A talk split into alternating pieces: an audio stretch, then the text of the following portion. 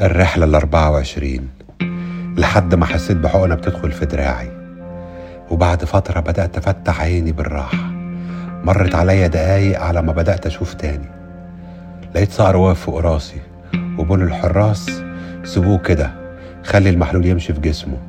وبعد ما يقدر يتكلم تجيبهولي عشان أتصرف معاه. عدت الدقايق عليا طويلة جدا لحد ما اتمسكت ورجع لي الوعي تاني.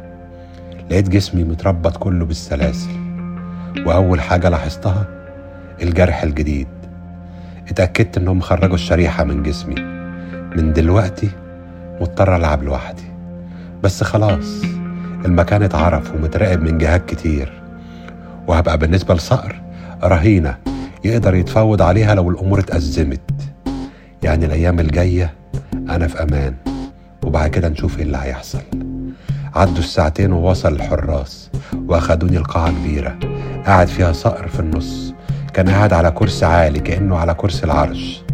وقعدوني على ركبي وحطوا وشي في الأرض وقف جنبي واحد شايل سيف وصقر أمر واحد من رجالته يتكلم. وقف وقال أما بعد فقد استطعنا بعون الله ورعايته القبض على أحد أنصار الفسق في بلاد المسلمين.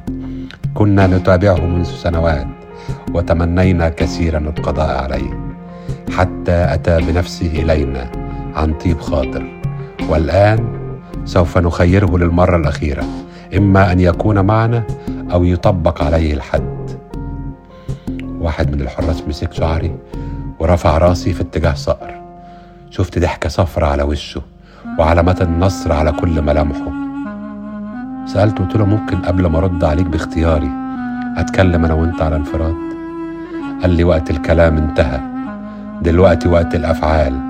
قدامك ستين ثانية. أسمع إجابتك. قلت له زي ما تحب. وبدأت أوجه كلامي لكل الحاضرين.